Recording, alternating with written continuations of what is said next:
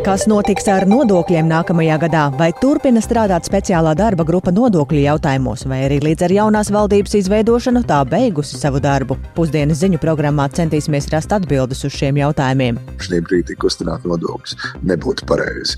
Tajā brīdī, kad uh, situācija stabilizējās, tad mēs par to varam diskutēt, bet tas noteikti nav nākamais gads. Turpinās Krievijas triecieni Ukrainas infrastruktūrai, taču pienāk arī ziņas par kārtējiem sprādzieniem Krīmas pussalā un ar ko šajās dienās jārēķinās Rīgas un Pierīgas iedzīvotājiem. Vai arī galvaspilsētā un tās tuvumā manīsim militāro tehniku un karavīrus turpinoties valsts aizsardzības mācībām namēs. Par to sazināsimies ar bruņotajiem spēkiem, un tas viss jau tūdaļ raidījumā pusdiena.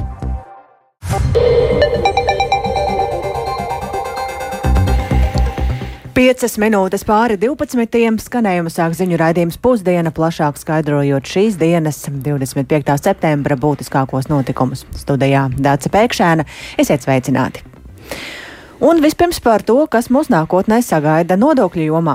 Nākamajā gadā būtiskas nodokļu izmaiņas nenotikšot, jo pašreizējā situācija ekonomikā to nepieļauj. Tā uzsver finanšu ministrs Arvils Ašerādens no jaunās vienotības.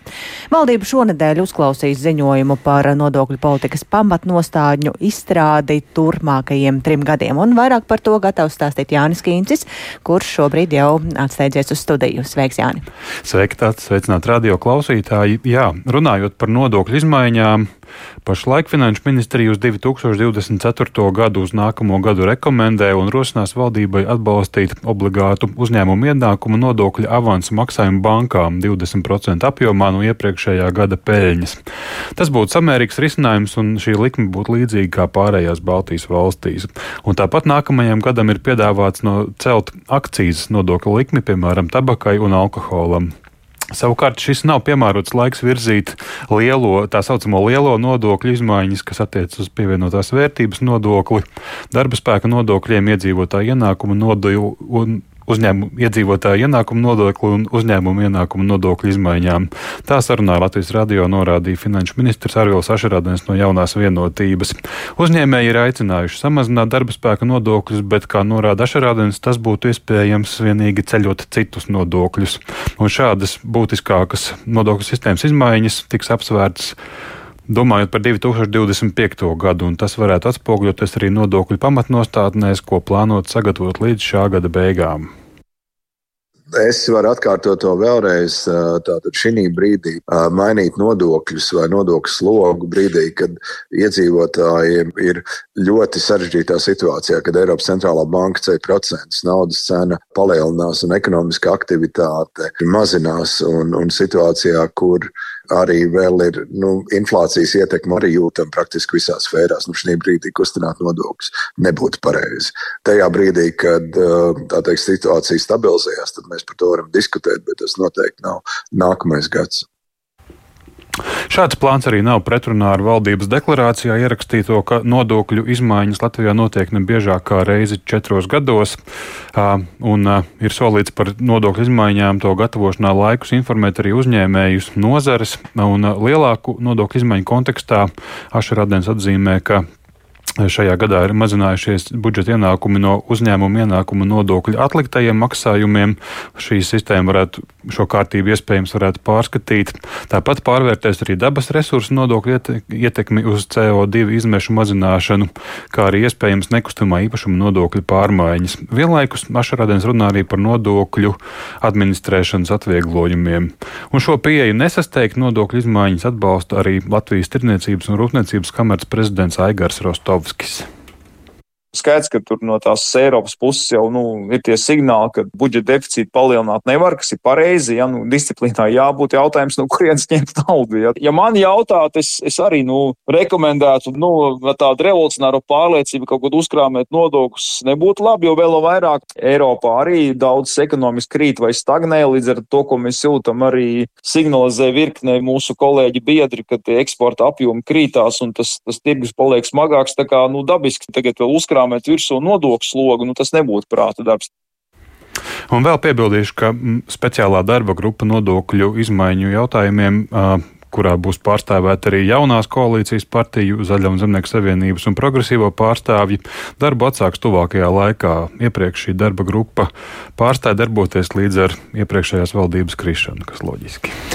Paldies Jānim Kīncim par šo skaidrojumu un skaidrs, ka nodokļi tuvākā vai tālākā no, nākotnē noteikti būs viens no tematiem, par ko jaunajai koalīcijai būs jādomā, un svarīgi tas ir arī nākamā gada valsts budžeta kontekstā, ka, lai gan dzirdējām, ka būtisks izmaiņas pagaidām nav paredzētas, bet tieši valsts budžeta pieņemšanu kā vienu no tuvākajiem izaicinājumiem mina saimas priekšsēdētāja Daiga Mieriņa no Zaļo un Zemnieku savienības.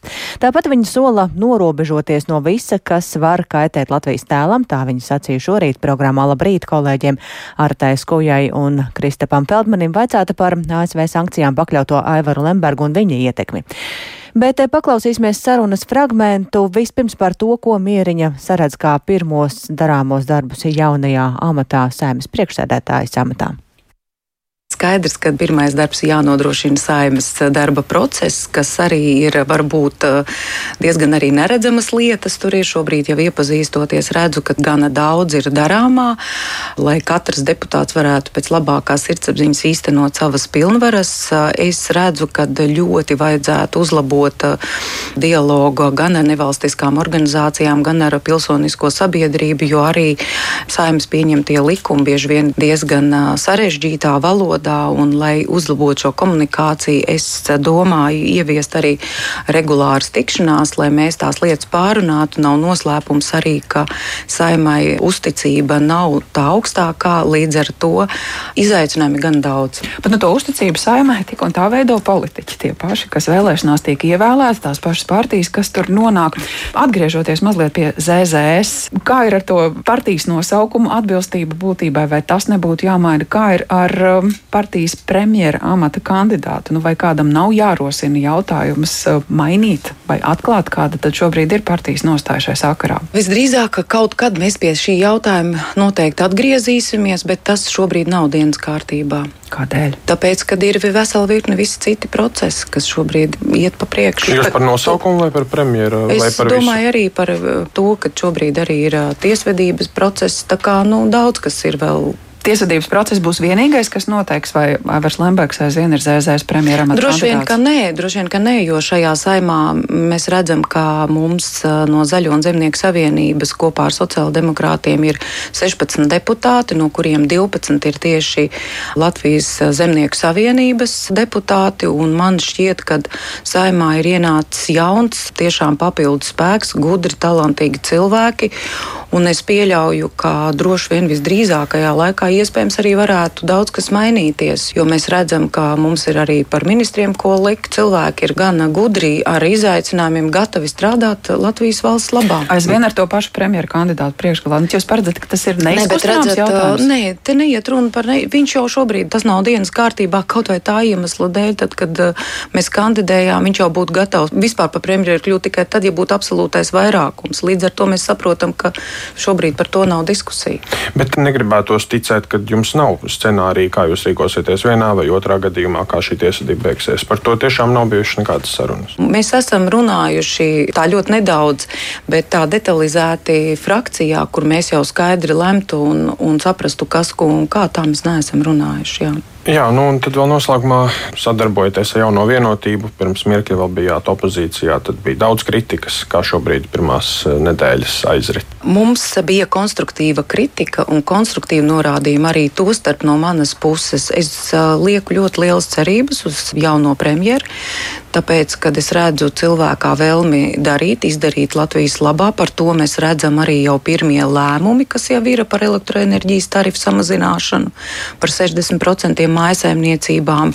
Es redzu līdzību, uh, kā komandas darbs ir tas, kas vispār var virzīt Latviju uz priekšu. Es domāju, ka arī es no savas puses darīšu visu, lai palīdzētu šai valdībai un lai mēs kopā tiešām izdarītu labas lietas. Tik tālu saimas priekšsādātāja Daiga Mieriņa no Zaļo un Zemnieku savienības. Turpinājumā par jaunāko no Ukrainas Krievija šonakt kārtējo reizi devusi triecienu Ukrainas teritorijai ar droniem un raķetēm. Uzbrukumā bojāta Odesas ostas infrastruktūra. Sprādzienu naktī dzirdēt arī anektētajā Krimā, kas pēdējā laikā kļuvusi par biežu uzbrukumu mērķi. Tikmēr laikraksts The Guardian vēsta, ka cilvēktiesību juristi sadarbībā ar Ukrainas prokuroriem gatavo kara noziegumu lietu, ko iesniegt starptautiskajai krimināltiesai, apsūdzot Krieviju tīšā bada izraisīšanā izdarīšanā kara laikā pret Ukrainu un par to visu plašāk Rihards Plūme. Kā vēsta laikraksts The Guardian, Ukrainas prokurori šobrīd sadarbojas ar juristu biroju Global Rights Compliance ar mērķi dokumentēt gadījumus, kuros Krievijas iebrucēji badu izmantojuši kā kara ieroci. Proti tiek vākti pierādījumi, lai starptautiskajai krimināltiesē nodotu lietu, uz kuras pamata varētu izvirzīt apsūdzības Krievijas prezidentam Vladimiram Putinam. Juristu biroja vecākais jurists Jusufs Kāns atzīmējis, ka pārtikas kā ieroča izmantošana notikusi trīs posmos, sākot ar sākotnējo kārtējo iebrukumu, kad Ukrainas pilsētas tika aplenktas un pārtikas piegādes tika pārtrauktas. Otrā fāze ietvērusi pārtikas un ūdenskrājumu un enerģijas avotu iznīcināšanu visā Ukrainā kauju laikā. Tie uzskatāmi par objektiem, kas ir būtiski civiliedzīvotāju izdzīvošanai. Savukārt trešā fāze ir Krievijas mēģinājumi novērst vai ierobežot Ukrainas pārtikas preču eksportu. Jāmin, ka 2018. gadā ANO drošības padome pieņēma rezolūciju, kas nosodīja bada kā kara līdzekļu līdzekļu izmantošanu, un gadu vēlāk, 2019. gadā, tika veiktas izmaiņas starptautiskās krimināla tiesas Romas statūtos, kas paplašināja to gadījumu sarakstu, kuros var tikt ierosinātas lietas. Juristu birojas ar Ukrainas prokuroriem lietas veidošanā sadarbosies vismaz līdz nākamā gada beigām. Kad lieta būs nodota starptautiskajā krimināltiesā, lēmums par tās tālāku izskatīšanu būs jāpieņem tiesas prokuroram Hāgā. Tikmēr Krievijas triecieni Ukrainas infrastruktūrai turpinās, un tādi notikuši arī šonakt. Krievija naktī devusi triecienu Odesas ostas infrastruktūrai, nodarot postījumus. Saskaņā ar Ukrainas dienvidu aizsardzības spēku sniegto informāciju, ienaidnieks naktī uz Odesas apgabalu raidījis 19 triecienu dronu Šahed, kā arī 12 raķetes kalibru un 2 raķetes Oniks. Ukrainas pretgaisa aizsardzība spējusi notriekt visus 19 dronus, kā arī 11 raķetes kalibru. Tomēr nenotriektās raķetes trāpīja trāpījušas ostas infrastruktūrai. Būtiski postījumi nodarīti jūras pasažieru stacijai, savukārt tai līdzās esošajā viesnīcā, kas jau vairākus gadus netiek izmantota, izcēlēs ugunsgrēks. Raķetes Soniks iznīcinājušas labības noliktavas. Triecienos cietis arī Hersonas apgabals. Savukārt par kārtējiem sprādzieniem Krīmas pussalā naktī vēstīja prokrieviskie avoti lietotnē Telegram. Vairākās vietās Krimā esot manīti droni. Pēdējā laikā Krimā gājis karsti. Vēl piekdien Melnās jūras flotes štābu Sevastopolē skāra raķešu uzbrukums, kurā tika nogalināti vismaz 9 cilvēki, bet ievainoti 16. Pirms tam uzbrukumam tika pakļauts Melnās jūras flotes rezervas komandpunkts, un vērienīgs uzbrukums iepriekš tika veikts arī Krievijas militārajam lidlaukam. Lūk, kas par triecieniem sakāmas militārajām ekspedīcijām экспертом Евгением Дикием. Но все-таки, видимо, психологически русский генералитет до сих пор еще живет в представлении. Izskatās, ka psiholoģiski Krievi joprojām dzīvo pieņēmumā, ka frontē ir bīstami, bet, ja tu nedzīvo frontē, tad tu atrodies vietā, kur ienaidnieks tevi neaizsniegs. Bet redz, izskatās, ka tomēr aizsniegt var. Sagatavošanās triecieniem notiek diezgan ilgi, jo tas, kas pēc mediju ziņotā varbūt izskatās pēc atsevišķiem haotiskiem triecieniem, patiesībā novērojama labi izplānota plānota operācija, kas notiek vairākos etapos ar mērķi sagraut Krimas pussalas aizsardzību. Nedēļas nogalē ASV mediji vēstīja, ka ASV prezidents Joe Bidenis beidzot tomēr gatavojas nodot Ukrainai tālu darbības rādījus raķetes atakāms. Taču bijušais ASV spēku komandieris Eiropā, ģenerālis Bens Hodžes intervijā izteicies, ka Baltais nams varētu būt nolēmis nodot Ukrainai atakāms raķešu modifikāciju, kurai ir ierobežojumi. Un tādā gadījumā tas, viņa prāt, būs praktiski bezjēdzīgi ja pieņem, ka šīs raķetes Ukraina vēlētos izmantot uzbrukumiem tāliem un lieliem mērķiem īslaicīgi okupētajā Krimā. Proti pēc viņa domām, lai uzbruktu dažiem mērķiem, raķetes būtu noderīgas, bet tās nav tik efektīvas lielu Krievijas objektu iznīcināšanai pussalā. Vienlaikus ģenerālis pauda pārliecību, ka Vašingtonas pozitīvais lēmums par atakams nodošanu Ukrainai varētu mudināt Vāciju spērt līdzīgus soļus, proti Vācija joprojām kavējas ar taurus raķešu nodošanu. Jāatgādina, ka Lielbritānija un Francija jau ir atbalstījušas Ukrainas bruņotos spēkus, nododot tālu darbības rādījus raķetes Storm Shadow un Skalp. Rihards Plome, Latvijas radio.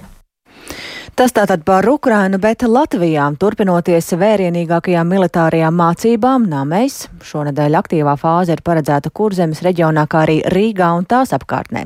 Lai uzzinātu par to vairāk, esam sazvanījušies ar um, zemesardzes komandieri pulkvedi Kasparu Pudānu. Labdien! Labdien! Esam jau runājuši par austrumu pierobežu citiem reģioniem, tagad mācības ir pietuvojušās galvaspilsētai. Tāds atgādinājums vēlreiz no jūsu puses, ko tas nozīmē un ar ko ir jārēķinās Rīgas un Pierīgas iedzīvotājiem. Jā, sākot ar šonadēļ, mācības būs ne tikai Latvijas austrumu pierobežā, kur tās turpināsies. Es uzsveršu arī šonadēļ. Bet, ja plānoti būs vingrinājumi līdzīgi kā iepriekšējos gados, pārsvarā varēs redzēt mūsu zemesardzes apakšvienības gan Rīgā, gan tās apkaimē. Uh, gan arī kurzemē, kas vairāk būs koncentrēts Liepājā, Ventspilī un atsevišķās to apkārtnēs. Tie vingrinājumi, ko veiksim, atšķirsies, bet sākot jau no rītdienas līdz pat nedēļas nogalē, būs gan tādas kā mūsu karavīru zemesargu, viņu tehnikas, kas ietver gan apvidus automašīnas, gan bruņu mašīnas pārvietošanās vairākās publiskās vietās, gan arī atsevišķi vingrinājumu izspēle, kas būs gan pašā Rīgā, un arī vairāk redzam varbūt ķekavas, mārupes un ropažu novados. Tas nozīmē, ka varētu būt arī papildu kaut kādi sastrēgumi, ierobežojumi pārvietoties. Ļoti, es domāju, ka tas nav, nav uzsvars šobrīd tik daudz uz lieliem uh, satiksmes uh, mezgliem šos vingrinājumus taisīt. Īslaicīgi, īslaicīgi varbūt tra, traucējumi vai kavējumi satiksmē var notikt, bet katrā vietā tas tiks, protams, koordinēts ar uh, valsts policiju, pašvaldības policiju, kas vienmēr mūs uh, jau ilgstoši ir atbalstījuši šo mācību norisē. Un to, ko es gribu uzsvērt, ka šogad pat vairāk ir šie partneri ir mūsu ne tikai kā atbalstītāji, bet patiesībā arī kā dalībnieki. Jo tas ir arī šī gada mācību namējas galvenais mērķis ir ne tik daudz vingrināt mūsu pašu kaujas spējas, ko mēs vienmēr darām, bet tiešām vingrināt savu sadarbību ar gan iekšlietu ministrijas iestādēm, gan pašvaldību un, un to pakļautajām mm. struktūru vienībām. Sociālajos tīklos varēja vērot tādu neapmierinātību dažkārt no latgales iedzīvotājiem, piemēram, vai jūs sagaidāt, ka kaut kas tāds varētu sagaidīt arī Rīgā un vispār cik karavīri ir gatavi reaģēt uz kaut kādu cilvēku neapmierinātību un dažādām reakcijām? Man liekas, mums ir diezgan labas atziņas un mācības no daudziem iepriekšējiem gadiem, kur mēs jau esam patstāvīgi tagad darbojamies mums paredzētajos nu, apstākļos, kādi tie varētu būt krīzē, tātad ejot ārpus arī poligoniem. Pierodam pie tā, ka tā attieksme pret mums, pret karavīriem, zemesargiem ir dažāda. Ir, protams, arī daudz pozitīvu, bet vienmēr būs un ir arī kādi, kas ir neapmierināti ar to, ka mēs esam klāt. Bet rīcība ir mums zināma, un arī šeit pieskāršos to, ka arī liels atbalsts ir no policijas puses, kur tiešām steidzam nāk klāt un noskaidro apstākļus. Un, ja tas pārsniedz kādas pieņemtās normas, kā varētu rīkoties pret mums, pret karavīriem, tad uh, vienmēr ir attiecīga rīcība. Mēs esam redzējuši arī iesāktas administratīvas lietas šajā gadījumā. Katrā ziņā karavīri mēs to pieņemam kā faktu bet mm. esam gatavi rīcībai.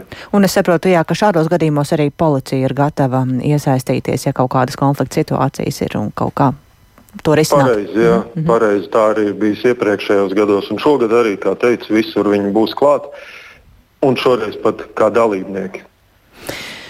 Paldies par uh, sarunu zemesardzes komandierim Pulkvadim Kasparam Budānam. Vēl kāds būtisks temats par bāriņtiesām un arī pārkāpumiem tajās esam daudz runājuši Latvijas radio programmās, bet kā tos novērst? Par to šodien būs diskusijas saimā. To organizē Saimas cilvēktiesību un sabiedrisko lietu komisija kopā ar Tiesības sarga biroju. Kāpēc par to ir svarīgi runāt un kāda ir šī brīža situācija? Par to šorīt programmā Labrīt kolēģim Kristapam Feldmanim skaidroja Tiesību sarga biroja bērnu tiesību nodaļas vadītāja Laila Grāvere. Paklausīsimies sarunas fragmentu. Nav teiksim, regulējums skaidrs un saprotams, kā cilvēkiem, kas piedzīvojuši neētisku attieksmi bāriņtiesā, kā viņiem rīkoties, kur vērsties un kāda ir šī procedūra. Šodien ir tāda jomas profesionāla diskusija. Lai uh, kopīgi nonāktu pie vienota redzējuma, kāds modelis būtu vislabākais. Kas ir tas, ko jūs varat ieteikt? Šobrīd mēs esam uzgājuši, ka ir desmit uh, dažādi modeļi Latvijā pastāv pašvaldībās, ja? kā šīs situācijas tiek risinātas. Un, uh, tiesības sargs piedāvās vienu no šiem desmit modeļiem, kurš tiesības sarga redzējumā būtu tas nu, teiksim, efektīvākais. Bet esam gatavi diskusijām, un tādēļ ir, ir šī diskusija, lai kopīgi vienotos par labāko redzējumu. Nu, kas ir tas modelis, uz ko tas balstās? Varbūt tā saprot saprotami un īsi varat ieskicēt? Vienalga, vai šo etikas pārkāpumu būtu pieļāvis kāds bārīnties darbinieks vai bārīnties priekšsēdētājs, tad ir neatkarīgi no šī amata, ka šos visus pārkāpumus skatītu pašvaldības ētikas komisija. Un par kādiem ētikas pārkāpumiem visbiežāk ir runa, vai arī te var iezīmēt kādu tendenci? Jā, nu, visbiežāk cilvēki vēršas par objektivitātes trūkumu.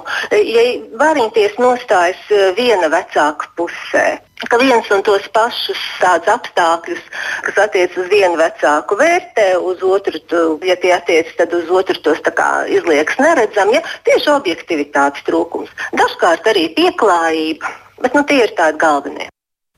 Tā tiesības sarga biroja bērnu tiesību nodaļas vadītāja Laila Grāvere un um, jāpiebilst, ka plašāk par šo tematu runāsim arī redzīmā pēcpusdiena, kad vairāk par pārmetumiem Bāriņtiesai jautāsim Bāriņtiesas darbinieku asociācijas valdes priekšsēdētājai Solveigai Alksnei. Un vēl Latvija ir iesniegusi invazīvo sugu apkarošanas plānu Eiropas komisijā, līdz ar to soda sankcijas mums vairs nedraud. Tā norāda vides ministrijā. Jāatgādina, ka Eiropas komisija vērsās tiesā pret Latviju par to, ka šāda plāna mums nav. Vienlaikus iedzīvotāju ziņojumu skaits sastopoties ar invazīvajām sugām Latvijas dabām šovasar ir pieaudzis sešas reizes. Un par to, kādēļ ir svarīgi šīs sugas ierobežot un par kādiem augiem ziņo visvairāk par to paklausīs klausīsimies Cintīs Ambotas ierakstā. Jā, ideālā variantā būtu jābūt tādai skaistai, gaišai Liežu meža kāpnes nogāzēja. Jā, jā, un kur tā lielā kāpa, un te redzēs koīnas krūms, te, te, te, koīnas krūms. Nu, šajā te gabalā, jā, kur mēs tiesim, ir diezgan, diezgan jau kritiski, jā, šī kāpnes nogāze. Raga kāpas dabas parkā jūrmalā labi redzamas invazīvas sugas izplatības sekas. Kāpās, kur priežu mežam būtu jābūt gaišam, vietām tas vairāk līdzinās biezoknim tur augušo vārpaino koriņšu dēļ. Turklāt pat dažas seņotāju takas vairs nav caurstaigājamas, rāda dabas aizsardzības pārvaldes projekta Latvija Nature invazīvo sugu eksperts Jānis Saulītis. Tātad mēs atrodamies šīs mežainās pie jūras kāpes, ja, tad tas savs spiež meža, kam raksturīgi tātad apakšā suns, mēdz, varbūt ķēpi, un šī koina sāk augt, viņa tātad rada tādu papildus noēnojumu, blīvi augot, eh, un, un tā kā bagātina šo augsne barības vielām, efektīvi, nu, tur krīt lapas viņai nost, un viņai izmaināja veģetācijā ar šo savu noēnojumu, un, un līdz ar to izzūd šī mežaino pie jūras kāpu tā kā dabiskā veģetācija, un šādu priežu mežu pārvērš par tādu krūmē mežu, kur tad samazināt apgaismojumu apstākļi parādās vairāk tādas, nezinu, lapkoku mežiem, Jā. pat raksturīgas sugas. Vārpainā korintē ir svežzemju suga, kas līdzīgi kā daudzas citas invazīvas sugas Latvijā sen ievesta kā krāšņuma augs, bet no dārziem un apstādījumiem masveidā nonākusi arī savvaļā. Šajā mežaino kāpu teritorijā 33 hektāru platībā notiek arī koriņšu izskaušanas metožu testēšana. Pirmajā talkā ar saknēm izrauti vairāki krūmi un šodien plānots izvākt visus lielos krūmus, bet turpmākos pāris gadus veikt uzraudzību, lai neaugtu jaunas koriņšu atvases. Savukārt lauku konsultāciju centra direktors Kaspars Žūriņš vērtē, ka Latvijā trūkst inovatīvu ideju invazīvo sugu apkarošanā.